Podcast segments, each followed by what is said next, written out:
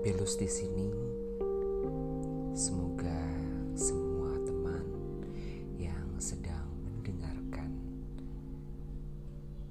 siaran ini dalam keadaan yang amat baik, dirinya baik, pikirannya baik, hatinya baik, fisiknya baik.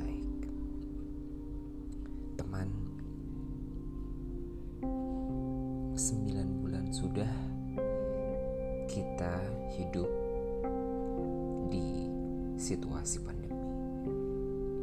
Banyak sekali perdebatan diri,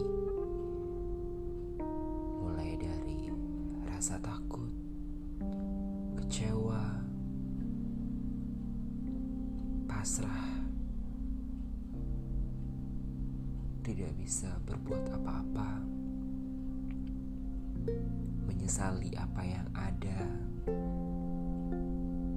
cemas, khawatir, gelisah, dan banyak banget perasaan buruk lainnya. Tapi seorang psikolog berkata kepada saya,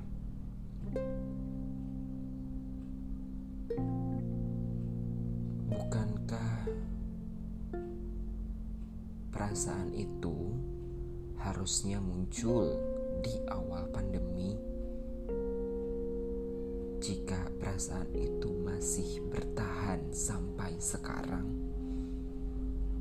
rasanya aneh.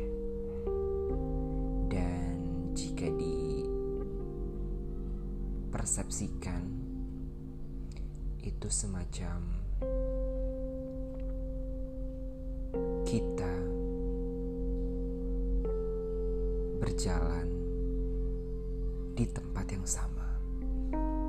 Apa maksudnya? Tidak ada perubahan, tidak ada pembelajaran, tidak ada pertumbuhan. Sebab pada kenyataannya manusia harus bertumbuh. Kita harus belajar untuk terus menjalani hidup ini. Dan sejatinya kita semua tumbuh, teman. Saya, kamu, keluarga kamu, teman-temanmu, sahabatmu, pasanganmu, musuhmu bahkan kita semua tumbuh. Sembilan bulan ini kita tumbuh bersama teman. Kamu luar biasa. Sudah bisa melewati sembilan bulan masa pandemi sampai kamu bisa bertahan di waktu sekarang. Apakah teman sadar? Jika tidak, ini waktunya untuk kita sadar bersama. Menyadari jika kita sejatinya tumbuh, teman. Kita sudah melewati masa-masa sulit. Entah kapan ini akan berakhir, tapi percayalah, hari ini kita sudah berhasil melewatinya. Kita patut bersyukur, teman. Kamu luar biasa.